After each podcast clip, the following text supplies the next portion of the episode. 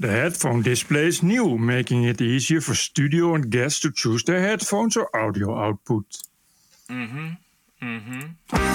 This is the TPO podcast. COVID-virus waarschijnlijk toch door de mens gemaakt. We found no evidence of this virus in an animal anywhere. Als Sigrid Kaag uitkijkt over de echte problemen van Nederland... en een nieuw kabinet in elkaar dreigt te draaien... Dan denk ik aan, eh, los van D66, eh, een GroenLinks. en CNN-anker Don Lemon emotioneel geknakt. That's the wrong way to look at it. That is the he is he's it's all wrong. I'm sorry, but that is the truth. Aflevering 255. Ranting and Reason. Bert Bresson, Roderick Phalo. This is the award winning TPO podcast. Goedenavond, het is maandagavond 24 mei. Het is tweede Pinksterdag en wij zijn gewoon aan het werk... alsof het gewoon de gewoonste zaak van de wereld is. Wij wel. Wij wel. Ja, Zo, zijn, zo zijn wij. precies. We hebben onze eigen vrije dag en wel op vrijdag 4 juni. We zeggen het alvast maar eventjes. Voor iedereen die het nog niet eh, heeft meegekregen. Vrijdag 4 juni aanstaande... dat is niet aanstaande vrijdag, maar de vrijdag daarop... is er geen TPO-podcast voor één keertje. Op vrijdag. Eh, Bert zit in Madrid. En eh, om zich bij de Nederlandse ambassade te voegen voor een nieuw paspoort aan te vragen. En ik ben ook eh, eventjes erop uit. Dat zeggen we dan nog maar eventjes. Voor de mensen die, die dan op vrijdag 4 juni gaan lopen twitteren... dat het, waar, waar blijft die podcast? Die is er niet. Die komt er niet vrijdag. Ik zal het die vrijdag ook even twitteren dan nog. Ja, precies. Ja. Zodat het, mensen Ja. het weten. En moest, jij gaat naar het buitenland. Ik ga naar een stukje Duitsland waar ik eigenlijk al heel lang naartoe wil. Dat is een prachtig gebied eh, in de Duitse Alpen. Heel, je hebt daar een, een heel mooi meer, het Koningsmeer heet dat. En dat lijkt op een fjord. En dat is, daar eh, idyllisch, prachtig en mooi. En je kan lekker wandelen in de bergen. En dat ga ik doen. Eh, ja, maar dan moet je, heb je, moet je natuurlijk laten testen. Omdat je een negatieve test moet ja, aantonen. exact. Vrijdag eh, ga ik mij laten testen. En die is dan in ieder geval 48 uur geldig. En als ik dan daar aankom, ja, je kunt daar in Duitsland. Geloof ik, op iedere hoek van de straat kun je gewoon een gratis test krijgen. Dus moet ik om de drie dagen testen. Nou, dat doe ik dan maar. Dan moet ik gewoon nog twee keer testen. Prima. Jezus. Ja. Man, het, is in elk geval, het is daar in elk geval gratis. Ja, precies, ja. Dat eh, Merkel betaalt dat gewoon allemaal. Ja, de deelstaten betalen dat. Ah, oké. En het is nu zo druk aan de. Ik heb even gekeken naar hoe dat eh, bijvoorbeeld aan de Duits-Nederlandse grens zit. Die Nederlanders, die, dat zul je ook altijd zien. Die gaan voor het goedkope, weet je wel. Dus die letten altijd op de centen. Dus die- in Duitse steden als Elten en vlak over de grens, daar is het Oh, hartstikke ja. druk. Daar staan de Nederlanders in de rij. Omdat daar de vaccinaties, of de testen moet ik zeggen, de testen gratis zijn. Ja, maar ja, als het, in, in Nederland wat betaal je? 100 euro. Ja, ja, ja. En het is. dat vind, ik- ja. vind ik nogal een verschil. Als je eh, in eh, Limburg woont, of, eh, of ben je in de buurt van Nijmegen en je een half uurtje rijden ben je over de grens, snap ik wel dat mensen dat doen. Ja. Nee, dat begrijp ik ook wel. Maar het is nu zo dat de kosten van die testen voor rekening zijn van Noord-Rijn-Westfalen, van de deelstaat. En het loopt nu zo storm op al die testlocaties met Nederlanders. Dat op een gegeven moment de regering van Noord-Rijn-Westfalen zegt: Ja, wacht even. We zijn er voor de Duitsers in eerste instantie. Oh ja, nee, precies. maar dus dan moet eh, je, ja, moet je gewoon zeggen, alleen met de Duitse Ausweis ja, mag je testen. Anders moet je lappen. exacto. 100 D-mark. Gaat best wel goed. De afgelopen 24 uur zijn er ruim 2700 nieuwe coronabesmettingen eh, bijgekomen, geconstateerd. Dat ligt ruim onder het weekgemiddelde van 4000 per dag. Dus dat gaat hartstikke goed. Maar ondertussen is er steeds meer, ja, toch wel een issue hoe die pandemie begonnen is. Drie mensen die werkten in dat laboratorium in die Chinese stad Wuhan heel ziek zijn geworden. Nog voordat er iemand anders besmet is geraakt. En dat kan erop wijzen natuurlijk dat het virus niet van dier op mensen terecht is gekomen, maar eerder dat dat gemaakt is in dat laboratorium. Eh, Luister even naar de directeur van de Amerikaanse inlichtingendienst. Vice Chairman, uh, so it is absolutely accurate. The intelligence community does not know exactly where, when, or how COVID 19 virus was transmitted initially. And uh, basically, components have coalesced around two alternative theories. Um, these scenarios are it emerged naturally from human contact with infected animals, or it was a laboratory accident, as you identified. And that is where we are right now. But we're continuing to work on this issue and collect information, and to the best we can, essentially, to give you greater confidence in what the scenario is. Ja, volgens mij is dit de eerste keer dat ik uh, iemand van dat niveau dit scenario ook serieus hoor noemen. Ja. Ik wou net zeggen, ik wou net zeggen. Het, is, uh, het was al uh, vanaf het begin af aan bekend. Vanaf het begin af aan waren er ook al wetenschappers die daar iets van vonden en daar ook goede argumenten voor, voor hadden. maar dat, dat, werd natuurlijk toen weggehoond. want ja, dat was toch al snel een complottheorie. Het is natuurlijk ook iets waar mensen liever niet aan willen denken. Niet zo heel lang geleden verschenen er inderdaad officiële documenten waaruit bleek dat er inderdaad wetenschappers uh, uit dat lab ziek waren geworden. En wat nu nieuw is, is dat er uh, inderdaad intelligence documents, dus van de CIA in, in, in China, naar boven, boven water zijn gekomen. Waaruit nu ook nog blijkt dat die lui zo ziek zijn geworden dat ze ook echt naar het ziekenhuis moesten. Ehm, er staat alleen, er is geen zekerheid om, om te zeggen uh, waarom ze ziek zijn geworden. Maar ze hadden wel de klachten die lijken op COVID-19. Ja. Dus de kans dat het COVID-19 is, is heel groot. En misschien kun je dat nog herinneren, Bert, maar er is zo ontzettend geknoeid met de informatie helemaal aan het begin. Die Wereldgezondheidsorganisatie, de WHO, is helemaal ingepakt door China. Precies. Ze hebben uh, heel lang aan het handje gelopen van Peking. En uh, veel te laat alarm geslagen. Dus er kan van alles aan de hand zijn. Dit is nieuwe informatie. Ik vond het een instantie echt een, een boeiend stuk. Ja, en ja, ja. wat ook nog misschien heeft meegespeeld, is dat er één iemand was die dit scenario wel voor Precies. mogelijk hield. Precies. En dit is de persconferentie van die man vorig jaar, april. Have you seen anything at this point that gives you a high degree of confidence that the Wuhan Institute of Virology was the origin of this virus? Yes, I have. Yes, I have. And I think that the World Health Organization should be ashamed of themselves because they're like the public relations agency for China. And this country pays them almost $500 million a year. And China pays them $38 million a year. And uh, whether it's a lot or more, it doesn't matter. It's still, they shouldn't be making excuses when people make horrible mistakes, especially mistakes that are causing hundreds of thousands of people around the world to die. I think the World Health Organization should be ashamed of themselves. En hij had 100% gelijk, deze Donald Trump. Behoorlijk. Ja. En ook, ja, die, die, die, die WHO die heeft altijd al in de broekzak gezeten van China. Dat was bekend. Dat is destijds tijdens deze pandemie ook alweer heel duidelijk geworden. Ja. Die hebben echt erg nauwe banden. En ik vind ook dat die, deze missie is onlangs die missie geweest naar China met Marion Koopmans. Ja, daar denk ik toch ook van ja. Mij maakt niet wijs dat je daar alles te zien krijgt. Volgens mij krijg je daar gewoon te zien te zien wat je, wat, je, wat je hoort te zien. Dat is hetzelfde als een reisje naar Noord-Korea. Als je daarheen gaat en je krijgt een rondleiding, ziet het er ongetwijfeld fantastisch uit. Met allerlei luxe producten en leeft iedereen in wilde en vrede. Uh, en de reactie ook nu weer is China op deze stukken is is ook weer bedenkelijk. Het eerste wat ze doen is uh, roepen dat het een leugen is, dat het lastig is, uh, uh, dat, dat, dat landen China probeert in discrediet te brengen. Dat ik denk van ja, dat klinkt meer als iemand die heel veel te verbergen heeft dan ja, iemand die ook, ook daar echt aan wil meewerken. Ja. China is ongelooflijk machtig op het internationale niveau. Met allerlei deeltjes worden er mensen ja, in, in dat kamp van China getrokken. Je mag vooral geen kritiek hebben op China.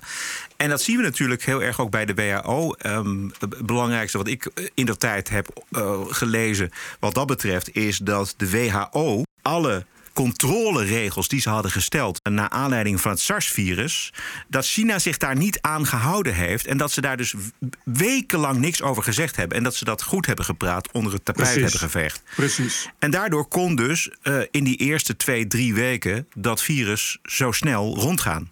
Want als je het uh, stilhoudt, dan stapt het gewoon mee het vliegtuig in. En voordat je het weet, zitten we in de pandemie waar we nu mee te maken hebben. Er zijn eh, genoeg wetenschappers die daar, die daar verstand van hebben en daar hele interessante dingen over, over kunnen zeggen en ook hebben gezegd.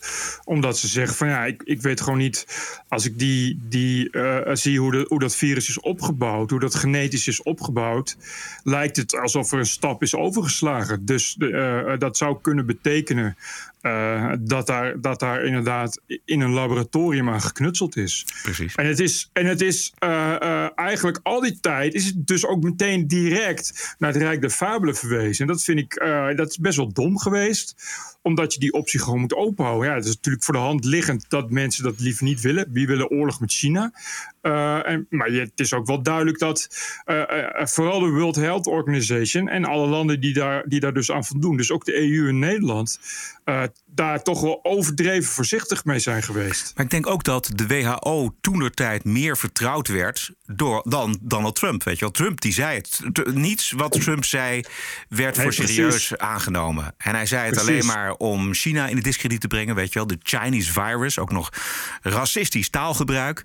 Ja, en precies. Hij moest zo nodig zijn eigen falen moest hij toedekken uh, door de schuld aan China te geven. Dus het was ook een enorme slappe hap van de journalistiek en van alle andere mensen die alert hadden moeten zijn. Alleen maar omdat het Donald Trump was. Ja, nou ja, precies. En, en, en, terwijl als ik weet nu al dat als Biden het morgen zegt, dan is het ineens allemaal wel waar. Weet je, nee, maar je, je, ik bedoel, Trump zei het en dan is het, dan is het meteen een complottheorie ja. en dan is het, moet je erom lachen en dan is het inderdaad ook nog kwetsend en, en uh, racistisch en discriminerend. Ja. Maar als ik weet nu, als morgen Biden het zegt, dan schrijven de kranten weer, och, wat een fantastische president. Uh, hadden wel een vlekkeloos presidentschap tot nu toe. En uh, wat een slimheid en uh, doortastendheid. Ja, exact. Bovendien is er eindeloos gezocht naar de oorsprong van het virus. Sowieso is er nog nooit nee. de ware bron van het virus gevonden. Luister even naar Doctor of Medicine, ex-board member of Pfizer. Vanmorgen op CNBC, Scott Gottlieb. People a year ago who said, well, this probably came from nature. It's really unlikely it came from a lab. Maybe a year ago, that kind of a statement made a lot of sense because that was the more likely scenario. But we haven't found the intermediate host. We found no evidence of this virus in an animal anywhere. The closest um, homology we found is a pangolin outbreak that occurred in March of 2019. Um, but we haven't found the true source of the virus. And with MERS and SARS, at this point, with those outbreaks, those epidemics, we had found the intermediate host. And it's not for lack of trying. There's been an exhaustive search for what the animal host was for this virus, and it hasn't been found. So I think the, the ledger on the side of the lab continues to grow. And the question for a lot of people is going to be when are too many coincidences too much? When does it just seem that there's too many things suggesting that this could have come out of a lab? Um, and right now, you know, there's more and more circumstantial evidence, certainly. I don't think we're ever going to get to the bottom of this because unless we have a whistleblower, mm. assuming it did come out of a lab, and I'm not saying it did, but assuming it did, unless we have a whistleblower, a regime change in China, you're not going to truly find out. If there are retained samples from those people who were infected in that lab, I don't think they're available anymore. Precies. Zolang daar de macht zit van de communisten, gaat dit uh, nooit naar boven komen. Ja. Ja. Uh, maar ja, dat... circumstantial evidence. Ja, dat stond ook in het Wall Street Journal stukken. Dat, ja. dat de CIA verder nooit, nooit in bezit gaat komen van samples, als er al zijn, of bewijzen. En het enige bewijs dat je uh, uiteindelijk ook nog kunt krijgen, is inderdaad uh, als iemand naar voren stapt. Of, of daar uh, echt, echt serieuze documenten voor heeft. Maar bewijs aan, aan samples van, uh, van laboratoriummedewerkers, die zijn natuurlijk verdwenen. Dat, dat, die, ja. die ga je nooit meer in handen krijgen. Nee. Dus daar komen we nooit achter. Althans, tenzij er dus inderdaad, uh, weet ik, één of twee whistleblowers komen die daar zeggen van ja, wij, wij waren daarbij.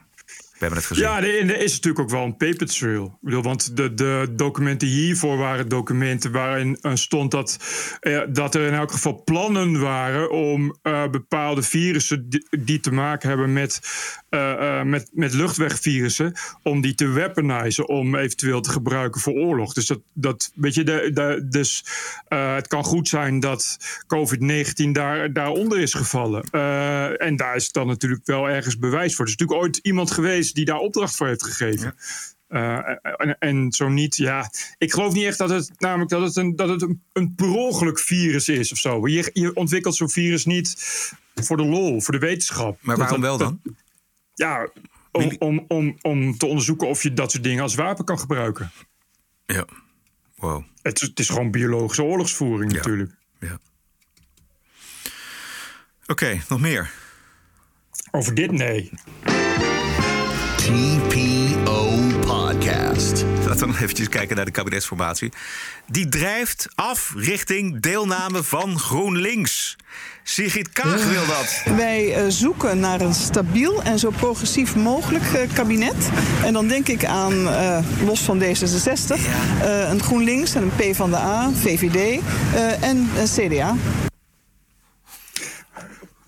Ja, mooi man. Ja, niet nodig om een meerderheid te krijgen. Helemaal niet, want die hebben VVD, D66, CDA en Partij van de Arbeid ook. Maar Kaag wil een zo groot mogelijk deel progressieve partijen. Wel ja, laten we hopen dat Kautar dan minister wordt Ja, meteen. exact. Hè? En dan kiest ze voor de grootste loser van de afgelopen verkiezingen. In letterlijke zin, de grootste verliezer, namelijk GroenLinks. Ja, dat is toch niet uit te leggen. Ik, ik heb al meerdere stukken gezien, ik heb er zelf ook wat over geschreven. Maar Nederland is zo duidelijk, heeft zo duidelijk rechts gekozen.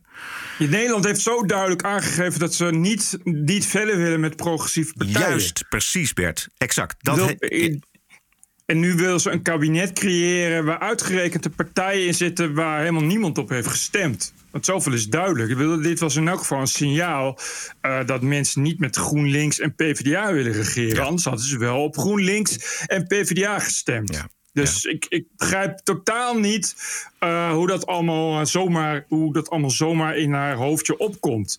En hoe dat allemaal zomaar weer kan. En waarom eh, kiezers zomaar weer zo, ja, zo, laten we zeggen, zo hard in hun reet worden geneukt meteen weer. Misschien heeft ze Amsterdam. Alsof het niks is. Misschien heeft ze Amsterdam als voorbeeld, want hier is het ook gebeurd. Hier heeft weliswaar GroenLinks bij de laatste gemeenteraadsverkiezingen overtuigend gewonnen. Maar alle andere partijen die in het college zitten, die hebben echt fors verloren. D66, Juist. SP en de Partij van de Arbeid. SP en de Partij van de Arbeid gehalveerd, volgens mij Ja. zelfs. Ja. Dus, en dan krijg je toch met elkaar, natuurlijk met z'n vieren, krijg je een, een meerderheid in het college. Nou ja, dat begrijp ik allemaal wel. Maar het is niet meedenken met. Ja, wat, wat, waar hebben de kiezers voor gekozen? Het is echt puur kijken waar haal, ik, waar haal ik mijn meerderheid eh, bij elkaar. En, en nogmaals, GroenLinks is helemaal niet nodig voor een meerderheid. Maar zij wil het koet doordrukken dat die progressieven dat, dat, dat ze in evenwicht zijn met CDA en VVD. Ja, ik, ik, terwijl, ja, maar goed, in Amsterdam is het ook heel goed afgelopen. Hè? Is fantastisch bestuur, waar het fantastisch gaat. Dus eh, laten we daar maar niet over in. Nee, maar ik, ik, het is, het is, ik snap niet dat het nu weer, weer zo gaat. Bedoel, hoeveel duidelijkheid wil je nog dat die kiezer dat zat is? Dat dat, het volk eh, in Nederland eh, en, en ook van niet telkens genaaid wil worden. En geen vertrouwen meer heeft in de democratie. En het eerste wat zij dan doet, is nog maar weer eens dat vertrouwen van de democratie zo hard mogelijk er doorheen boren. Zodat we dat nog sneller kwijt zijn. En bij de volgende verkiezingen nog meer op rechts gaan stemmen. En nog minder op GroenLinks en Partij van de Arbeid. Maar dat krijg je met Kaag, want die heeft gezegd al in het begin van de verkiezingscampagne: ik heb met draagvlak niks te maken. Weet je, al die politieke leiders die gaan kijken: oh ja, is er wel draagvlak voor? Nee, zij zegt: ik zet de lijnen uit en dan zien we wel. Dus zij heeft helemaal geen boodschap aan het feit dat een meerderheid van eh, de kiezers in Nederland voor rechts koos. Voor D66 zeggen ze: wij van D66 weten hoe het zit. En de rest mag dan wel wat meezeggen. eh en krijgt dan wel de kans om ook wat te zeggen. Maar daar hebben we verder scheid aan. Daarom heeft D66 ook alles aan gedaan om het eh, binnen het referendum af te schaffen. Anders krijg je maar dat mensen ook een mening gaan hebben. En die dit doorduwen. Dat moet je niet hebben. Want wij van D66 zijn nou eenmaal door God op aarde gezet om anderen te vertellen hoe het moet. Vandaar. En eh, ja, zolang mensen massaal D66 blijven stemmen, of in elk geval massaal genoeg om eh, dit soort, dit soort eh, mensen als Kaag voldoende armkracht te geven, of voldoende slagkracht te geven, blijft dat zo zijn. Dus misschien moeten mensen gewoon maar eens ophouden met D66 stemmen. De vraag is: wie heeft de langste adem? Want dit willen. Eh, in ieder geval de kiezers van CDA en VVD helemaal niet. Blijkt uit de peiling van Maurice de Hond. 79% van de VVD-kiezers staat negatief over deelname van, van eh, GroenLinks. En bij het CDA is, eh, staat zelfs 85% eh, van de kiezers die moet dat niet hebben. Dus eh, die, die twee partijen, Rutte kan en Hoekstra, kunnen eigenlijk niet in zee en hoeven ook niet in zee met GroenLinks. Nee. Maar dan moet dus de Partij van de Arbeid mee zonder GroenLinks. En dat is nog een probleem. Luister naar oud-voorzitter van de Partij van de Arbeid, Hans Spekman bij WNL. Volgens mij moeten we echt alleen maar meedoen als er een inhoudelijke opgave ligt. Plus, vind ik echt, we moeten de belofte waarmaken dat we het doen als we minimaal met één andere linkse partij zitten. Ja, en dat is niet D66. Daar hij doelt Nee, dat is daarmee. GroenLinks. Dat, is precies, GroenLinks. Dus dat is een soort belofte. Nou weet ik niet wat die beloftes op links allemaal eh, voor waarde hebben. Maar eh, ja, er, zit een, er is dus blijkbaar een afspraak van de Partij van de Arbeid gaat niet mee in een kabinet met D66, CDA, VVD zonder GroenLinks. Maar eh, als, als eh, eh, 80 tot, tot, tot, tot wat zei je? 79 procent, 85 procent is wel echt, echt enorme overgrote meerderheid van CDA en VVD tegen zijn. Dan is dat toch gewoon niet te doen.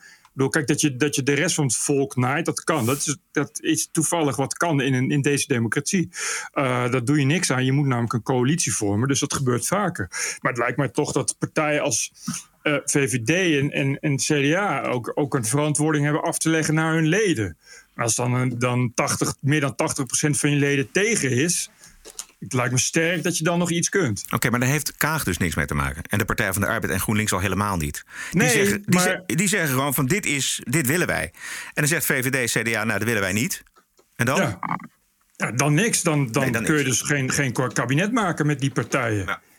Misschien, maar wat, eh, hoeveel zetels hebben ze zonder GroenLinks? Ook al meerderheid. 82, Dus, dus, dus met PvdA erbij hebben ze al 82. precies. Ja, dan, dan zie ik, dan weet, ik weet nu al dat het dan PvdA gaat worden. Die beloftes van PvdA stellen niks voor. Hm, Ik, ik, misschien is het eh, playing hard to get, weet ik niet.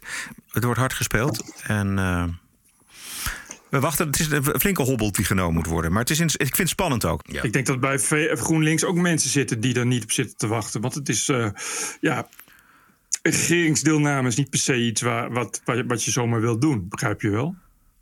Alhoewel het natuurlijk een uitgelezen kans is voor Kautar om haar eh, moslimbroederschap eh, nog eens wat verder eh, de maatschappij in te duwen. Dat zou natuurlijk mooi zijn als die staatssecretaris van Onderwijs wordt, bijvoorbeeld. Daar wordt ook Kaag heel blij van. Eigenlijk wordt iedereen daar heel blij van binnen, binnen de progressieve kringen. Dus dat zie ik nog wel gebeuren. En het is zo'n klein streepje in Nederland, weet je. Het, is zo, het, is zo, het stelt zo niks voor. Ja, Het, heeft, hey, het hebben enorm veel macht in de, in de media. En ze komen overal aan, aan, aan de talkshowtafels. En het electoraal stelt het helemaal niks voor. Sterker nog, Nederland kiest conservatief, wil de rechterkant op. Het heeft helemaal geen behoefte aan die identiteitspolitiek... waar ook Kaag zich mee profileert. Eh, dus we krijgen, als dat doorgaat met GroenLinks... dan krijgen we een, echt een heel raar kabinet. En dan krijg je nog meer onvrede in het land en terecht. Ja, maar goed, kijk, weet je wat het is?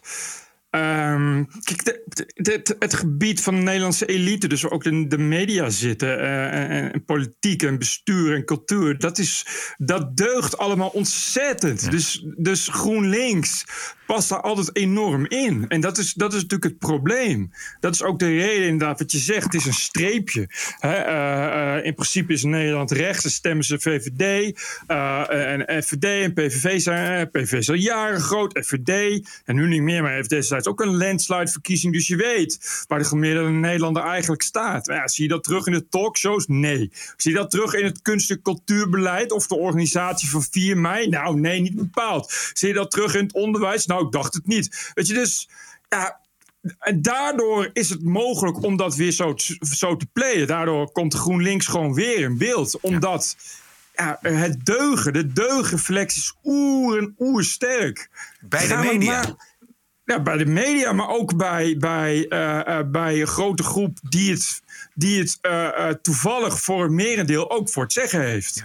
Die, die, die in de bestuursfuncties zit. Ga nou na dat een boek van eh, Rutger Bregman. De meeste mensen deugen. Dat is al, al, al meer dan 150.000 keer verkocht. Ja, voor op de tafel, Dat- Bert. Maar dat is toch, ja, precies. Maar dat is toch absurd? Dat, ik bedoel, maar als je dat dan leest, dan weet je toch, eh, dan weet je toch hoe het ervoor staat in, in, eigenlijk in Nederland. En dat, zijn, en, en dat is een hele kleine groep die dat dus eh, voor, de, voor de rest van, van, van de groep heel erg bepaalt. Ja.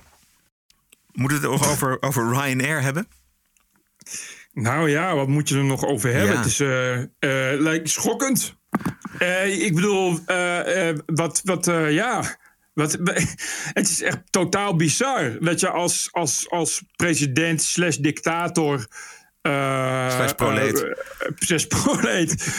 maar goed, maar dat je, to- dat je zegt: eh, Oh, er zit iemand in het vliegtuig die ik toevallig wil hebben. Kun je even een, een, eh, een migje erheen sturen en het vliegtuig dwingen te landen? Dat is. Eh, ongehoord, eh, ongekend ook. Echt. ja. En dood, doodeng Ja. natuurlijk. Eh, vandaag weer, hè? Niet, niet zo erg, maar vandaag was er dus een vliegtuig van Lufthansa aan de grond gehouden. En die heeft daar geloof ik een uur gestaan en die mocht niet weg, ook vanwege veiligheidsredenen, et cetera. Maar het is gewoon om te laten zien, kijk eens eventjes, dit kunnen wij.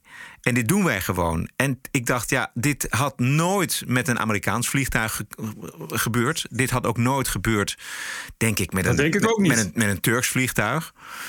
Eh, dus die Lukashenko die heeft geen hoge pet op van de slagkracht van eh, de Europese Unie. Nee, dat snap ik. Dat snap Die ik heeft ook. nu eh, Ursula van Leiden boos gekregen. Maar ja, wat gaat hij doen dan? Ja. Eh, economische sancties. Dan kom je op een, eh, kom je op een, eh, op een lijst en bladibladibla. En dan gaan we er in Brussel gaan we er heel lang nog heel boos over vergaderen. Pak aan, Lukashenko. Ja. Ja, dat, die, als je dat bij Amerika doet, dan staat Biden morgen met een heel vliegtuigschip eh, richting, richting de Oostzee, denk ik. Ja. Weet je, je kan dat niet. Dat is dus het verschil, inderdaad. Ja. Maar eh, eh, ik denk dat dan ook onmiddellijk. En is dat dan toch een diepe wens, heel diep verborgen bij ons van binnen ergens, die denkt van ja, die Europese Unie die moet toch ook een rol spelen op dat wereldtoneel. En, die, en Nee. dat kan alleen maar door eh, zeg maar gezamenlijk meer besluiten te nemen. de diepe wens van binnen is dat er gewoon, gewoon wordt opgetreden zoals het hoort. Dat we gewoon een, een leiders hebben die ook laten zien eh, dat ze tot iets in staat zijn. Dus, dus niet. Lukashenko praat ook niet. Die stuurt een mig op je vliegtuig Ja. af. Dus moet je niet zeggen: we gaan, we gaan over praten en economische sancties. Dan moet je dus inderdaad zeggen: als je dat nog een keer doet, dan eh, stuur ik een raket op je land af. Weet je, dat- je moet gewoon echt laten zien dat je niet over je laat lopen. Ik, dat, ik, ik snap gewoon niet. Dat is wat Amerika zou doen. Ja, zeker. die- Absoluut. ja. Ja. die zouden zeggen, als je dat nog een keer flikt, dan, eh, komen, we, dan komen we even wel eh, ons vliegtuig eh, vergezellen voortaan. Met een paar eh, F-15's. Ja. Dus denk vooral niet dat, dat, dat je dat dan nog een keer bij ons kunt flikken. En dat doet hij dus ook niet. Daarom doet hij het bij Ryanair en niet bij, eh, niet bij eh, American Airlines of zo. Ja. En ook allemaal. En gebackt natuurlijk door Poetin. Want Poetin vindt het natuurlijk. Die vindt het zelf ook de normaalste zaak van de wereld om dit soort dingen te die, doen. die lacht zich kapot natuurlijk. Ja. Tuurlijk, dit is, dit is echt dit is de droom van Poetin. Dit is ook hoe, hoe, dit, dit is hoe Poetin, eh, overigens en de Russen, en daar heeft trouwens Lukashenko het van geleerd. Dit is hoe ze, dit is hoe ze regeren. Het, het, is, het zijn echt schurkenmanieren. Ja. Het is echt, echt een, een idee van Dr. Evil en een hele slechte strip. Om inderdaad gewoon voor, zomaar gevechtsvliegtuigen op, op volle Het passagiersvliegtuigen. is Dat- onvoorstelbaar. Het is gewoon piraterij. Dit is onvoorstelbaar. Maar je, je stuurt er, dat is gewoon een oorlogshandeling. Je Ja. stuurt een gewapend gevechtsvliegtuig achter een, achter, een- achter een onschuldige, onschuldige eh, bewust achter een onschuldige eh, eh, airliner aan. Je, wat gaat er gebeuren als die airliner denkt: ik, ik ga toch maar niet landen? Schiet je dan die, die hele Boeing meteen maar eruit? Of weet je, ik bedoel, het is levensgevaarlijk natuurlijk. Er er zullen vast nog meer dissidenten in het Westen zijn. Nou ja, maar dat is dus ook, ook de angst die je dan zaait. Ja. Dat, je, dat je denkt van, wat gebeurt de volgende keer? Zet je dan gewoon meteen een boekraket in? Dat je dat Ja. ze niks aan de grond houdt. Ik heb niet, want je hebt niet het idee dat dit soort mensen het heel veel kan schelen... hoeveel mensen in zo'n vliegtuig zitten. Dat, Nee. dat is, dat is, weet je, dat gaat erom, eh, dat is, dat is duidelijk. Want die, die dissident, wat volgens mij een hele jonge Ja. blogger en journalist is... die riskeert nu ook de doodstraf, begrijp ik. Ja. Dus, dus dat is vrij duidelijk hoe, hoe Lukashenko überhaupt over mensenrechten denkt. En, en, eh, en over straffen. Ik denk niet dat het hem veel kan schelen of daar een paar doden meer of minder bij vallen. Nou, en dan moet je dan. dan ik, ik vind dat je dan. Ja, je moet dus je slagkracht laten zien. Dat is ook hoe de Russen denken. Dat is hoe je, hoe je met Russen communiceert. Trump kon dat. Trump wel. Ja. Maar Europa kan dat niet. Dus Europa. Nee, Europa kan helemaal niks. Nee, nee. Europa heeft ook niks. Wie, ik, het is, eh, wat, wat, wat moet ze doen? Eh, Een, een, een, een flitsmacht sturen of zo. Mij, dan, dan moeten ze eerst weer eh, zorgen dat er landen eh, gaan samenwerken militair. Ja, die landen die zijn. Nederland doet niet mee, want die hebben niks meer. Dat is allemaal wegbezuinigd. Ja, ja. Nee, militair stelt er niet zoveel voor. Maar je zou dan wel willen dat er inderdaad onmiddellijk sancties eh, plaatsvinden. Dat er, dat er wordt gegrepen naar een machtsmiddel. Eh, maar zelfs dat niet. Nou goed. Ja, ik, maar ik vond het schokkend. Weet je, en ook. het is ook. Eh, ja, weet je, dit is, in zo'n Ryanair-toestel is het voor 80% mensen die een paar dagen uitgaan of zo. Weet je, Ja. of mensen die, die vaak heen en weer moeten. Want dit zijn allemaal mensen die er helemaal niets te maken hebben. Waarschijnlijk ook geen, een- geen eens een idee hebben wie Lukashenko is. Of over welk conflict het gaat. Nou ja, goed, dat ding ging natuurlijk naar, naar eh, Letland. Ja, Dus- Litouwen, Dus, dus, of Litouwen. Dus de mensen die daar, die daar wonen, die zullen wel weten wie Lukashenko is. Maar weet je, het zijn gewoon onschuldige burgers die, niet, die echt niet weten waar ze op dat moment overheen vliegen. En dat maakt het dus zo eng. We hebben natuurlijk MH. eh, MH17. Ja, MH17 ik zat, was zo 370 of 17. is die neergeschoten. We, we hebben natuurlijk eh, hele slechte ervaringen met, het over, met het vliegen over landen waar, waar, waar dictators, eh, of in elk geval rogue, rogue people, eventueel aan de macht zouden kunnen zijn. Dus, dus dit is natuurlijk doodeng om, om, je dat, om je dat te bedenken. Volgens mij is het ook de eerste keer dat dat gebeurt in, in Europa. Die, die, die, die piloot dit hadden gewoon toestemming om in dat luchtruim te vliegen. Ja. Dus dat is, dat Ja. is, het is echt. Het is, wat, dat, wat dat betreft heeft, is het echt een hele, hele nare eh, daad van oorlog. Je, je, je, je doet echt iets wat, wat echt hele grote gevolgen kan hebben. Onvoorstelbaar. Oké, we gaan eh, naar de Wokweek. Let's go. Yeah. Let's go! I was offended and I have rights. TPO Podcast. You're an adult. Grow up. Sorry? Deal with it. I don't care. care. Dit zijn de berichten uit de open inrichting. Mensen, bedrijven, instanties die zich een slag in de ronde deugen... en diep buigen voor de terreur van de identiteitsideologie. Het is eh, toch weer druk. Nederlanders worden altijd een beetje opgewonden... als een heuse Amerikaanse krant aandacht besteedt aan het kleine kikkerlandje. De grote verliezer van het Songfestival, de heer McCroy... die heeft een heel artikel in de New York Times gekregen. De Woke-krant was eh, de sociale en politieke inhoud van het nummer niet helemaal ontgaan. En dat was voor de New York Times natuurlijk helemaal te gek. Europa vond er helemaal niets aan. En is dat die. eh de Macroy? Ik heb, eh, dat is Nederland? Ja, is Nederland. Oh, die van broccoli. Die van broccoli, ja, precies, ja. broccoli, ja, Ja. ja, die. die. Ja. Oké, ja. Maar het is toch fantastisch dat, dat de New York Times dat nummer dan wel op waarde weet te schatten. Ja, ik vond het alles zeggen over de New York Times. Dit is, eh, vond ik echt eh, de huidige koers van de New York Times ten voeten uit. Eh, ik bedoel, dat je gewoon überhaupt als serieuze krant... eh, ja, echt, echt nieuws maakt uit het feit dat we verder een nietszeggend middelmatig landje... bij een songfestival in, in Europa, wat de meeste Amerikanen ook niet zegt... zo mooi inclusief is. Dat je daar serieus nieuws uit haalt. Dat gaat best wel ver. Dat is eigenlijk een soort van troostprijs voor eh, de heer Macroy. Nou, Ja, maar ik Goed vind voor wel altijd dat, dat, dat eh, hoe, hoe Nederlanders, Nederlandse journalisten dan klaarkomen op het feit dat de New York Times een paar zinnen aan Nederland wijdt, is altijd een beetje. Ja, hoe zal ik dat zeggen? Ja, vertel het beetje, beetje, eh, beetje, beetje sneu. Beetje, beetje, beetje, daar zit toch een heel groot minderwaardigheidscomplex achter. Want oeh, een krant in Amerika vindt iets van ons. Hoei, blij, blij, blij, blij, blij. Ook niet één keer de hele dag en dan elkaar complimenteren daarmee. Ja. Dus ik Nou denk ja, van nou, we stellen- het kan ver gaan hè. Precies, maar we stellen natuurlijk ook helemaal niks voor. Dus Calimero complex, dat is het eigenlijk. Ja, ik, eh, complex. Terwijl ik, terwijl ik altijd denk van ja, het is leuk, maar het is gewoon een krant verder. Ja. Aanstaande donderdag, Bert, is er voor alle medewerkers van RTL de vierde diversiteits- en inclusietalk. Jammer dat jij daar weg bent nu. Ja, heel jammer. Moet je dat missen? Deze keer met Reza Kartozen-Wong. Kennen hem niet, maar hij is columnist van Parool. Hij is mediawetenschapper en spreker over diversiteit en inclusie. En RTL schrijft aan zijn medewerkers. Sinds de uitbraak van het coronavirus is er wereldwijd een schrikbarende toename van anti-Aziatisch racisme gelinkt aan de pandemie. Reza spreekt over de mediapresentatie en mediagebruik van Aziatische Nederlanders. Ook nemen we onze eigen onbewuste vooroordelen onder de loep.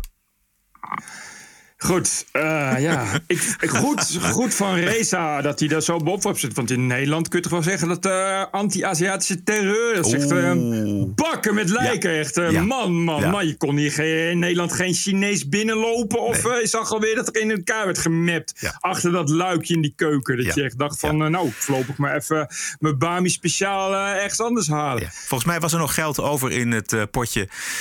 Uh, diversiteit en inclusie talk. En moest er gewoon nog een vierde aflevering komen. Deze keer dus met Reza Kartozen. Ik dacht, wat, wat, wat, wat, is die en hoe doet hij dat dan? Nou, schijnt hij een eigen podcast te hebben. En die podcast die heet All Inclusive. Oh, goeie naam. Goed, hè? En we horen hem uh, een stukje op één analyseren. En in dat, in dat fragment van op één, uh, daarin zit Paul de Leeuw. En Paul de Leeuw praat over Chinese restaurants. En het feit dat die Chinese restaurants inmiddels zijn gaan behoren tot het nationale erfgoed van Nederland. Daar gaan we. Het Chinees-Indische restaurant is sinds kort officieel Nederlands immaterieel erfgoed. Wat je hier ziet in op één is uh, dat Paul de Leeuw met twee tafelgasten praat over Chinees-Indische restaurants. Met een restauranthouder, nou, dat is te begrijpen. Uh, en de andere tafelgast is een witte journalist die een boekje heeft gemaakt over Chinees-Indische restaurants. Kennelijk vinden zij het heel normaal om uh, die restaurants en die mensen te ridiculiseren. Huh? Om ze belachelijk te maken en ook nog ik hoor dat helemaal niet. Ik heb het, ik heb het fragment nee, een klein beetje ingetikt, maar die mensen worden totaal niet belachelijk gemaakt. Ook door, ik bedoel, er wordt een grapje gemaakt. Er staan wat, mij... uh, wat minder fietsen bij, de, bij, bij het fietsenrek uh, van de Chinezen. En dan zegt Paul de Leeuw, nou, het, het lijkt er, de klanditie gaat er niet heel erg goed op vooruit. Zoiets, dat is een, een typisch Paul de Leeuw grapje. Ja, maar hij zegt ook verder, hij zegt gewoon, uh, Chinese restaurants horen bij het Nederlands erfgoed. Ja. Verder een keurige conclusie. niks, en niks aan de hand, luister. Om ze uh, tot op zekere hoogte toch nog af te beelden als anders en als afwijkend van de Nederlandse samenleving. Nou, dat mag ik wel zeggen, ja. Want de, de Chinees, dat was vroeger echt wel iets Goh. aparts. En nog steeds is de Chinees. Nou, dat, dat, hoort dan bij de. Natuurlijk hoort het bij het Nederlands erfgoed, maar het is wel iets aparts. Ja, nogal. Je gaat naar. Hetzelfde geldt voor de Italiaan. He? Je gaat ja. pizza halen, of je gaat naar de Chinees, of je gaat naar een andere keuken. Dit is voor mij een voorbeeld van een witte blik binnen een redactie. Blik. Die te linken is aan het gebrek aan diversiteit en inclusie op de redactie. Want de op één redactie is een hele witte redactie. En je ziet dus dat die redactieleden en Paul de Leeuw door hun eigen beperkte witte blik naar dit onderwerp kijken. En niet openstaan voor andere perspectieven, andere stemmen en andere mensen. Oh, dat wordt een hele gezellige middag op de redactie van oh, RTL. Man. Wat een jankend is dit, zeg. Oh, waar je over druk kunt maken. Ja. Iemand stond erin. Beste heren, omdat jullie vast niet alles kunnen luisteren, even het volgende. Ik luister al lange tijd met enige regelmaat naar de Rudy en Freddy show. Dat is van uh, de correspondent. Ja, met, uh, ik weet niet wie, maar in elk geval Rudy met... Uh, ja, en, en Rutger Bregman. Ja.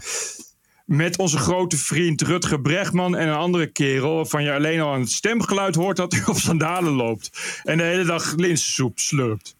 Niet mijn geluid, maar juist daarom wel interessant om hun blik op de wereld te horen. En zo af en toe zetten ze je best wel even aan het denken. Zeker niet altijd ten nadele van je eigen opvattingen, maar soms wel. Uh, maar vaker luister ik met kromme tenen. Uh, er was een uitzending. Uh, de hele uitzending was best het luisteren waard. Het is een linkje naar Spotify. De hele aflevering heet Powerduiding van de verkiezingen. En dat is een opvallend realistische en redelijke analyse van de beide heren van de verkiezingen uh, van 17 maart, die toen net achter de rug waren. Maar vanaf de 16e minuut ongeveer gaat het dan over klimaat en over, quote, de offers die de mensen moeten brengen en, quote, van het gas af. En daar wordt het ineens interessant. Want Rutger Bregman zegt dan, quote, ik heb sinds anderhalf jaar ook een warmtepomp. Maar als ik heel eerlijk ben, is een cv-ketel gewoon eigenlijk superieur aan een warmtepomp. Het is goedkoper, het is eenvoudiger en het hele gasnetwerk ligt er al. Als ik puur financieel en praktisch mensen zou adviseren, zou ik zeggen: warmtepomp, maar nog niet doen. hij, blijkt, hij blijkt zelf bovendien over een hybride warmtepomp te beschikken. En daarbij moet gas inspringen als dat nodig is. En het is duidelijk uh, dat hij het zonder gas niet zou redden. Heel eerlijk van hem natuurlijk, maar tevens ook. Hoe idioot is het om van het gas af te gaan om het klimaat te redden als het alternatief zelfs volgens Mister al onze voeten worden nat als we niks doen uitroepteken hemzelf Rutger Brechtman ook gewoon al ruk is toch wel een opvallend geluid vanuit linkse hoek. Waarbij mij weten nog het immer het adagium geldt dat een warmtepomp prima en probleemloos de cv-keutel kan vervangen. Nou, duidelijk niet dus. Oh. Bert. Er is, er is zoveel gaan op dat gebied, jongen. Er is komende dagen, um, dinsdag en woensdag, is er een groot protest in Brussel tegen uh, biomassa. Wat ook al natuurlijk absoluut niet duurzaam is. We hebben die problemen in Amsterdam. Er is verzet tegen de windmolens. Dat, dat, er is nu pas, eindelijk, is er een enorm heftige discussie aan de gang over al die maatregelen die genomen zijn om uh, Nederland klimaatneutraal te krijgen. En het gaat, het gaat, volgens mij gaat het helemaal niet lukken. Niet op deze manier. Ja, ik, en uh, dit, dit is een goede tip, want het is waar. Als zelfs Rutger Brechtman het al zegt, daar kom je toch, uh, dan kun je daar eigenlijk niet meer overheen. En dat betekent toch ook echt dat inderdaad dat je kan verwachten dat in de toekomst. Uh, ja, dat, dat die warmtepompen natuurlijk veel problematischer worden. Want er zijn natuurlijk heel veel mensen als Rutger Brechtman die zo'n ding aanschaffen en dan tot de conclusie komen dat het, het kan wel, omdat ze zelf wel leuk verdienen hè? En, uh, en, en, dat soort dingen. Maar dat je inderdaad, als je zou, je buurman zou moeten adviseren, dat je zou zeggen: Nou, ik zou er nog niet aan beginnen als ik jou was. Dus, dus, alles wat noodzakelijk is om, om, voor een beter klimaat, hè, om de opwarming tegen te gaan, is nu al problematisch. Ja. En dat wordt natuurlijk de komende jaren alleen maar erger en erger vergrijzing. En dat zijn allemaal oudjes die wonen dan in huizen die niet meer warm te krijgen zijn. Want dat is ook een probleem voor de warmtepomp. Dat, ja, precies. Dat, dat, er, dat er niet meer de hitte uh, in die radiatoren loopt, uh, zoals dat nu gebeurt met een uh, gas-CV.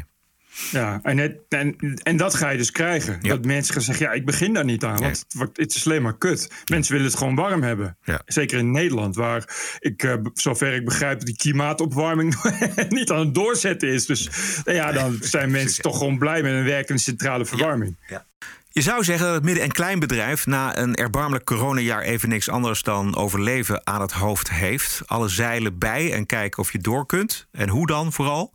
Lijkt mij buitengewoon belangrijk. Nou, de ondernemers van Nijmegen die werden gewezen op nog iets veel belangrijkers. Van de Radboud Universiteit kregen de ondernemers de volgende brief. Geachte mevrouw, meneer.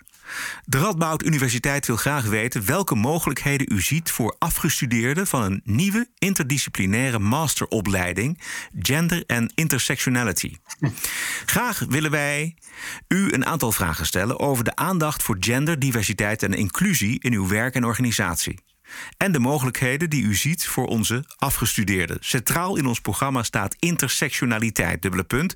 Het idee dat iemand een enkelvoudige identiteit heeft en dat sociale posities worden gevormd op de intersectie van verschillende categorieën zoals gender, ras, etniciteit, seksualiteit, klasse, religie, leeftijd en disability. Dat krijgen dus de ondernemers in Nijmegen. Na een coronajaar van je welste, vraagt een afdeling van de universiteit: wilt u even nadenken of u geen mensen in dienst wil nemen die een masteropleiding gender en intersectionality hebben gedaan? Ja, ook, echt dat je denkt, je kan daar als ondernemer ook helemaal niks mee. Je hebt daar echt geen zak aan. Want het is, het is ook een hele rare vraag. Ik snap ook gewoon, ik snap ook gewoon de, de hele opzet niet zo. De hele, hele uitnodiging nou niet zo. Kijk, ze hebben een, een studierichting gecreëerd... Waar, geen, ja. waar niemand een baan mee krijgt. Helemaal niemand. Diversiteit en intersectionaliteit. Dat interesseert niemand iets in de samenleving. Heeft de samenleving ook helemaal geen behoefte aan. En Nederland is al overstroomd. De markt is al overstroomd met eindeloos veel van die bureautjes. Dus op een gegeven moment is dat klaar. en zit, heeft de Radboud Universiteit mensen afgeleverd... die dus geen enkel perspectief hebben. Dus dat merken ze en zijn ze inmiddels al bij het midden- en kleinbedrijf uh, bezig om die mensen, ja, ik weet niet hoe, maar in ieder geval te vragen: willen jullie niet onze mensen in dienst nemen? Ja, maar je, je, je, kan toch niet mensen uh, aanbieden op het, op het feit dat ze intersectioneel zijn en genderstudies hebben? Nee, maar- heb je toch nee, geen. nee, maar dat Wat moet je ermee? Dan heb je, heb je een, een, eh, een ijzerhandel, ha- ijzerhandelwarenzaak. En, dan, en dan zoek je een stagiair. En dan, ja, wil je daarover denken om iemand intersectioneel? Ja, nee, ik wil iemand die, die eh, goed is in, eh, in, in ijzer of zo. Of in tellen of, of in verkopen. Wat heb je, daar heb je toch als ondernemer niks aan? Maar het zegt dus iets van hoe die universiteiten, hoe die woke-afdelingen van de universiteit bezig zijn buiten de hele samenleving om. Die, die denken dus werkelijk dat er een bedrijf is van 100 mensen, dat zij bijvoorbeeld standaard een diversity officer in vaste dienst oh, willen ja, nemen. natuurlijk. Natuurlijk. Dat ja, dat je, dat je, dit, maar dat is dus inderdaad ook echt de leidende gedachte. Dat mensen ook echt op zitten te wachten. Precies, dat ze dat belangrijk vinden. Het is natuurlijk, natuurlijk geen ondernemer. Ondernemers denken aan geld. Dus, dus die willen een stagiaire die kosten eh, 300 euro per maand. Nou, die kunnen gewoon fulltime inzetten. En dan moet hij wel iets opleveren. Precies. Liefst ook iemand die je wat kan leren, zodat hij daarna in het bedrijf kan blijven. Maar dat dus wel in het bedrijf eh, iets doet waar dat bedrijf wat aan heeft. Meestal is dat geen, geen genderdingen of intersectionaliteit. Daar wordt niet echt heel veel geld mee verdiend. Eigenlijk alleen subsidie. Kost alleen maar geld. oh ja, precies. Bij, ja. de, bij de overheid kunnen ze misschien wel terecht. Ja, dat zal inderdaad. Of, of bij RTL Nieuws. Is misschien ook leuk om, om eh, eh, eh, en denk ik, een woke iemand nog op de, op de nieuwsredactie te hebben. Zeker bij In de dienst, ja. internetredactie. Zeker, ja, dat, dat lijkt me. Maar verder bij ondernemers lijkt het me een beetje, een beetje snel ophouden. Nog een klassiek woke cancel verhaal in Amerika bij CNN. De meest conservatieve gast die wel eens mag aanschuiven bij CNN is de republikein Rick Santorum. en Rick die wilde iets zeggen over het ontstaan van eh, het moderne Amerika. Dus Columbus, de Britten die er kwamen, de Amerikanen die het werden. eh, die zich vrijvochten van het thuisland, de Amerikaanse revolutie dus. Maar Rick overzag daarbij bijna de Indianen, de Native Americans. En dat kwam hem duur te staan. We came here and created a blank slate. We, we birthed a nation from nothing. I mean, there's nothing here. I mean, yes, we have Native Americans, but, if, but candidly, that, that there isn't much Native American culture in American culture. And they set up a country that was based on Judeo-Christian principles. That's what our founding documents are based upon. Ik begrijp hem wel. Het gaat over het moderne Amerika. Nou ja, ik ga het niet allemaal herhalen. Maar het, het fantastisch is natuurlijk dat in deze tijden, als je die Indianen overslaat, ja, dan, dan ben je de lul. Dan, heb, dan Ja, pleeg- heb je moord gepleegd. Sterker nog, dan heb- ben je een seriemoordenaar. En het is toch bizar dat je hiervoor ontslagen wordt? Ja, en dat is zo. Dat, het, het is allemaal, wat ik zei, het is klassiek gegaan. Dus eh daar kwamen eerst allerlei Oh ja. eh, tweets. Ik heb er eentje. Ge, er was een hashtag Remove Rick.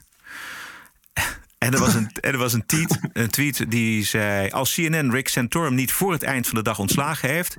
zijn ze medeplichtig aan het verspreiden van Santorum's white supremacy...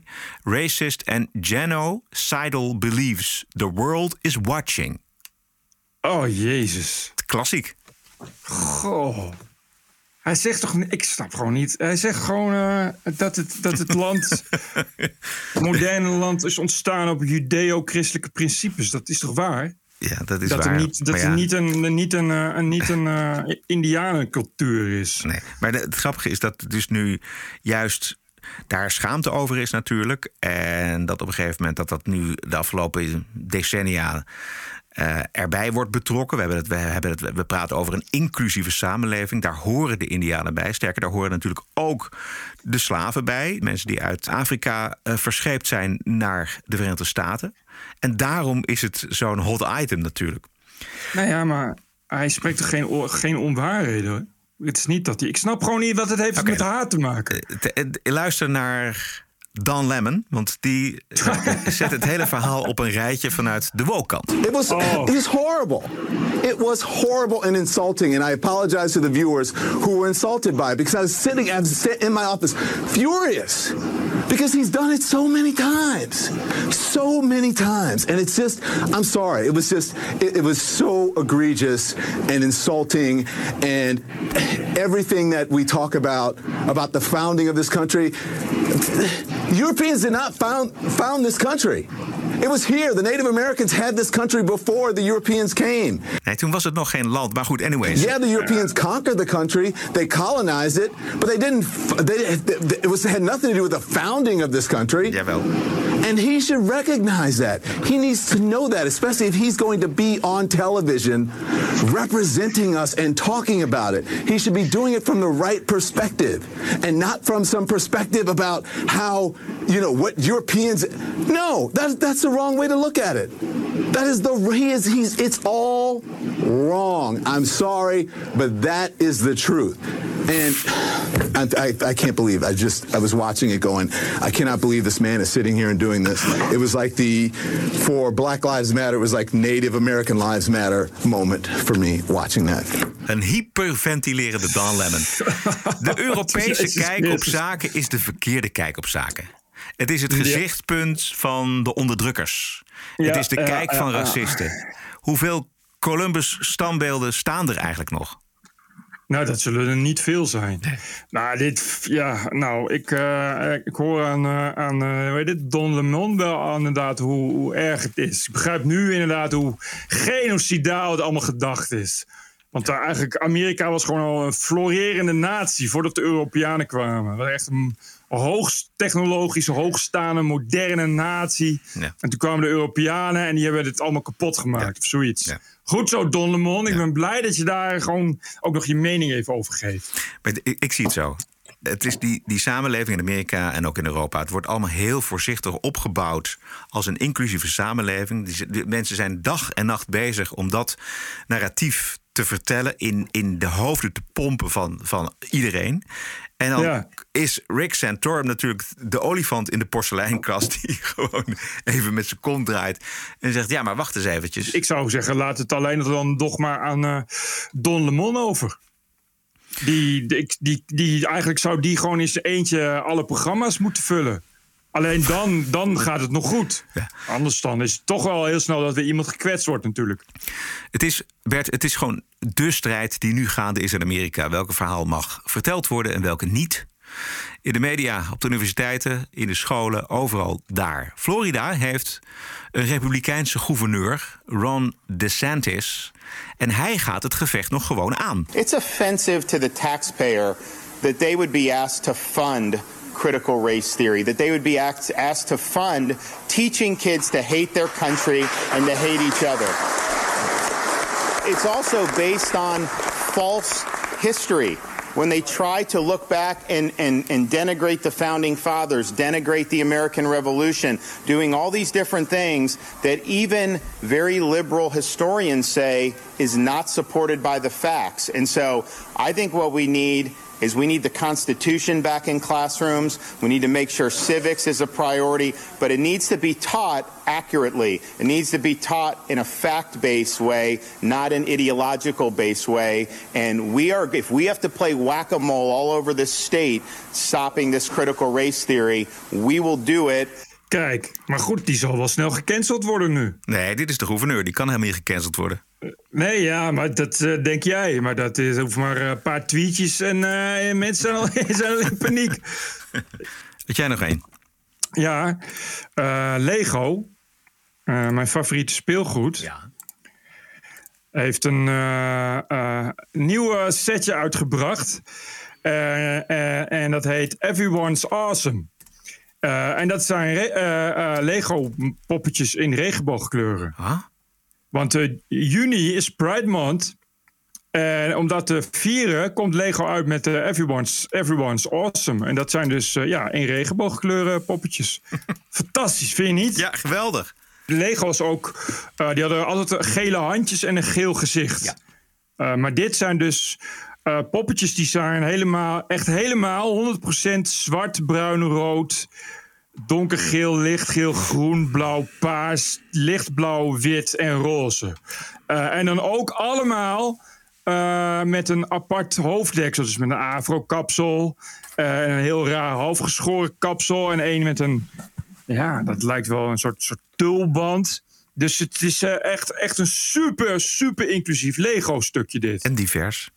Heel divers. Goh, vroeger was het allemaal zo simpel met Lego. Ja, precies. Weet je, ik merk bijvoorbeeld, ik ben best wel toe aan vakantie, zoals iedereen toe is aan vakantie na zo'n uh, uh, coronajaar. Maar ik merk ook dat ik het wel behoefte heb aan eventjes daar helemaal niet mee bezig zijn met dit. Deze, nee, dat... die, die, hele identiteitspolitiek en al dat gelul, dat woke-gelul, weet je wel. Dat is, op een gegeven moment is het ook zo vermoeiend en vervelend. En dan wil je er eventjes gewoon pauze van.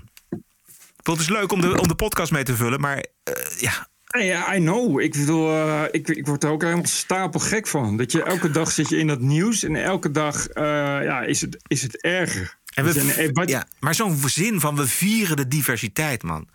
Dat is toch verschrikkelijke propaganda van, van niks. Dat. Laten we gewoon normaal met elkaar omgaan als gewone mensen. En laten we dan heel lang niks en dan eens een keer kijken naar kleur of naar hoe de ogen staan of wat dan ook. Ja, ja ik, ik ben het uh, met je eens. Ik word er ook ziek van. En dan weet je dat, dat, dat weten de luisteraars niet. Maar wat we hier voorlezen is maar een tipje ja. van de ijs, een topje van de ijsberg. Ja.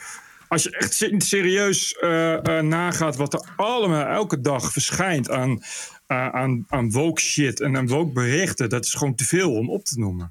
Dus het gaat de hele dag gaat het, gaat het door in de hele wereld. Het is echt. echt... Ja, onvoorstelbaar. Maar het gebeurt, ja. Moeten we het nog hebben over die Black Lives Matter activisten die in de hoofd is geschoten? Ik weet niet of ze nog leeft, maar. Um, ja. Het, het, het, de uitkomst is, geloof ik, dat ze nu dat, het, dat ja. ze slachtoffer is van een toevalstreffer, om het maar zo te zeggen. Kijk, zij woont in een, uh, in een wijk in Londen waar, waar, uh, waar je niet per se graag wil wonen. Dus, uh, en het, was, het waren buiten op straat naar een feestje. en is inderdaad, voor zover ik begrijp, was het echt een gang-gerelateerde drive-by shooting. Ja, fuck. Dus, dus, ja. dus, ze stond kennelijk naast iemand die, die het mikpunt was. Maar ja, bij een drive-by shooting zijn meestal meerdere slachtoffers. Ja. Waarvan zij er één van was. Maar ze werd natuurlijk wel al heel lang bedreigd. Uh, omdat ze de echte diehard woordvoerder van Black Lives Matter is. Engeland, uh, ja. uh, in Engeland. En um, ja, dat werd natuurlijk al snel de gedachte dat ze een, een, een slachtoffer was van een gerichte aanslag. Ja. Ja, de, en de, vraag is, ja, de vraag is een beetje of je die geest weer in de fles krijgt.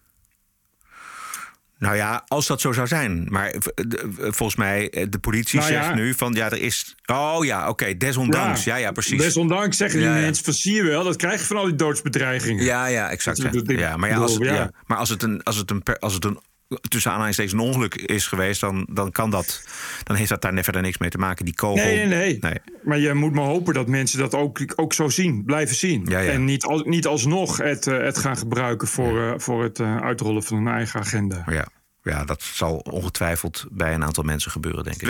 What a woke week it was. This is the TPO podcast. TPO podcast. Dat zijn wij, de TPO-podcast. Geen subsidie, geen commerciële invloed. We zijn afhankelijk van de donaties van jou. Ranting and Reason. We kijken elke maandagavond hoe het staat met de TPO-podcast. Worden we een beetje betaald voor onze inspanningen, Bert. Ik heb er vijf nu. Oké, leuk. Alright. Even mijn schermpje groot te zetten. En mijn brilletje opzetten. Kijk, Mike schrijft... Beste Roderick en Bert...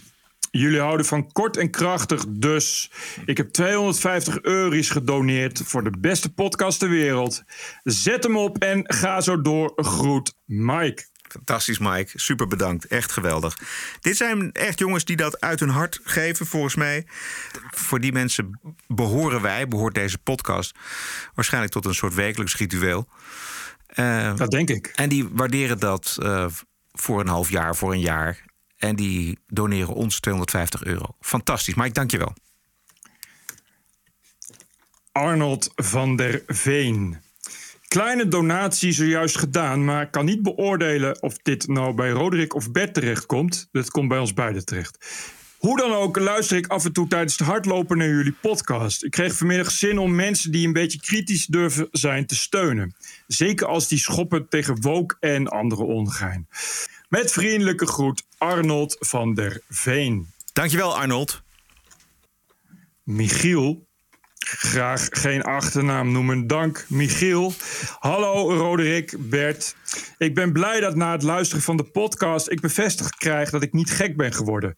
De media en kanalen als Twitter doen mijn hoofd meermaals per dag namelijk bijna ontploffen. Shout-out naar mijn vrienden en medeluisteraars Bouke en Niels. Jullie podcast worden tijdens ons tweewekelijks diner altijd uitgebreid besproken. Met vriendelijke groet, Michiel. Michiel, Bouke en Niels. Hartelijk dank voor het luisteren. En leuk dat we jullie nog een extra pleziertje geven door erover te praten. Heel goed. Onder het genot van iets gezelligs, neem ik aan. Kan allemaal met de TPO-podcast. Goed dat wij voor gesprekstof zorgen. Ja. Even kijken. Arjen de Nooier. Beste Roderick en Bert. Pluim voor jullie werk tot nu toe. Ook postuum namens mijn grootvader. Deze oude socialist vertelde mij 30 jaar geleden al dat het bruinhemde geweld zomaar kan terugkeren. En nu ben ik mede door jullie wakker geschud. Religieus extremisme in het parlement, vergezeld met openlijk antisemitisme, maken het bestaan er bepaald niet vrolijker op. Om de moed erin te houden, geef ik als tip de Argos-podcast Vogelvrije Wetenschappers even mee. Lachen is immers gezond. Ik hoop dat mijn donatie-eurotje per week jullie scherp blijft houden. Met vriendelijke groet, Arjen de Nooier. Dankjewel, Arjen.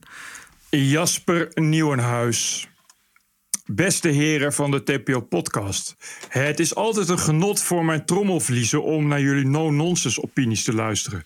Jullie nuchtere blik op de losgeslagenheid van de wereld deze dagen is dan ook voor mij een medicijn. Het was voor mij ook een wekker toen het misging bij de JFVD. En ik als trots lid natuurlijk in de ontkenningsfase schoot à la Freekie Jansen. Maar jullie hebben me wakker geschud. Toen eenmaal de boel instortte, hebben jullie, hebben jullie me met jullie nuchtere geluid onder het puin vandaan getrokken. Samen met mijn docent maatschappijwetenschappen, waar ik vaak goede gesprekken mee heb over politiek, hebben jullie mij één ding duidelijk gemaakt. Blijf te alle tijden zelf nadenken. Voor mij als 18-jarige puber die nu in zijn HAVO-examen zit, was dat lastig en werd ik inderdaad een beetje gehypnotiseerd door de wappies van de FVD.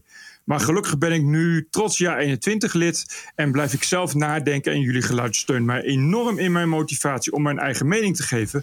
In plaats van die van Ome Baudet of Freekie Jansen. Met vriendelijke groet uit het prachtige Apeldoorn, Jasper Nieuwenhuis. Jasper, mooi geschreven. Mooi voorgelezen, Bert. Supergoed. Ja, daar gaat het om. Dat Zelf waren nadenken. ze. Dat waren ze. Dat waren ze. Dit is de TPO-podcast. Een eigenzinnige kijk op het nieuws en de nieuwsmedia. Twee keer per week, elke dinsdag en elke vrijdag. 100% onafhankelijk. Want zonder reclame en zonder een cent subsidie. The award-winning TPO podcast. Wat is het jou waard? Een euro per aflevering? 104 euro per jaar? Of kies zelf een bedrag? Waardeer en doneer op tpo.nl slash podcast. De TPO-podcast. Wat is het je waard? Dat is de centrale vraag. De centrale vraag is: wat is het je waard? Bert, ik heb alleen nog een bonusquote. Altijd mooi. Altijd mooi. The Bonus, altijd mooi. award-winning TPO podcast. Staat een klein beetje in Amerika. We blijven toch nog even in Amerika. De gouverneur van de staat New York is Andrew Cuomo. Dat is een democraat. En hij heeft het politiek behoorlijk moeilijk deze dagen... omdat negen vrouwen hem beschuldigen van seksueel ontoelaatbaar gedrag. En zijn jongere broertje is Chris Cuomo. En Chris die werkt als anker bij CNN. Hij is een goede vriend en collega van Dan Leman. Ja, precies. En hij verdedigde zijn broer openlijk op CNN. CNN's Chris Cuomo defending the political advice he gave his brother Andrew, New York's governor, accused of inappropriate behavior or sexual harassment by at least nine women. I understand why that was a problem for CNN. It will not happen again. It was a mistake. But the younger Cuomo conceding that when it comes to his brother, he is biased. I can be objective about just about any topic, but not about my family. Less than two months ago, Chris Cuomo promised his viewers to be straight with them. I cannot cover it because he is my brother. While he avoided the story on the air, off camera, he was involved. This morning, the governor's office confirming what the Washington Post first reported that Chris Cuomo joined strategy calls with the governor's aides about how to respond to the scandal. Jezus. Ja, zeker. Het is, eh, dit is wel heel ernstig, ja. Ja. Vooral ook als je, als je jarenlang volhoudt dat je, dat je daar heel voorzichtig mee doet. En dat je echt niet eh, alles zomaar voor je broer kan eh, coveren en dan weet ik veel wat. En dan blijkt dat nu toch gewoon een soort 1-2'tje telkens te zijn. Ja. Of een 1-2'tje. En dat je echt eh, strategisch overleg voert van wat ga ik wanneer hoe brengen over jou. Precies, en er is onderzoek naar gedaan. Het is niet alleen dat zijn oudere broer, dus de gouverneur, zijn hart luchtte bij zijn broertje. Nee, Chris Cuomo, anchor, journalist van CNN, kwam met openlijke adviezen over wat hij moest doen. Chris Cuomo is eh, degene die eh, zichzelf van binnen heel zwart vindt. Oh ja, precies. Die, die, eh, die, die gewoon als eigenlijk als, nou zeg maar gerust als enige blanke wel het leed van de zwarte gewoon helemaal door en door snapt. Omdat Chris Cuomo gewoon van binnen zwart is. Dat is dus deze Chris Cuomo. Ja. TPO Podcast is te vinden op onder meer Spotify, Apple Podcast, iTunes en natuurlijk op tpo.nl. Zeer veel dank voor de ondersteuning. Wil je ook ondersteunen? Doe dat dan voor aflevering 256 en volgende. Of alle afleveringen die je gratis geluisterd hebt. Waarderen en doneren kan op tpo.nl slash podcast. En post kan naar info.tpo.nl. Wij zijn terug vrijdag 28 mei. Stay cool en... Tot vrijdag! TPO Podcast. Bert Bruson, Roderick Balo, Ranting and Reason. The courage to say no. The discipline to say no. The wisdom to say no. The strength to say no. Take a good look at any successful person, any truly fulfilled person. They all have this quality the courage to say no when they must say no. Podcasting is the TPO podcast in the Netherlands. Bert and Roderick. What a show. I'm telling you. Keep the show running. Go to tpo.nl slash podcast. Thank you.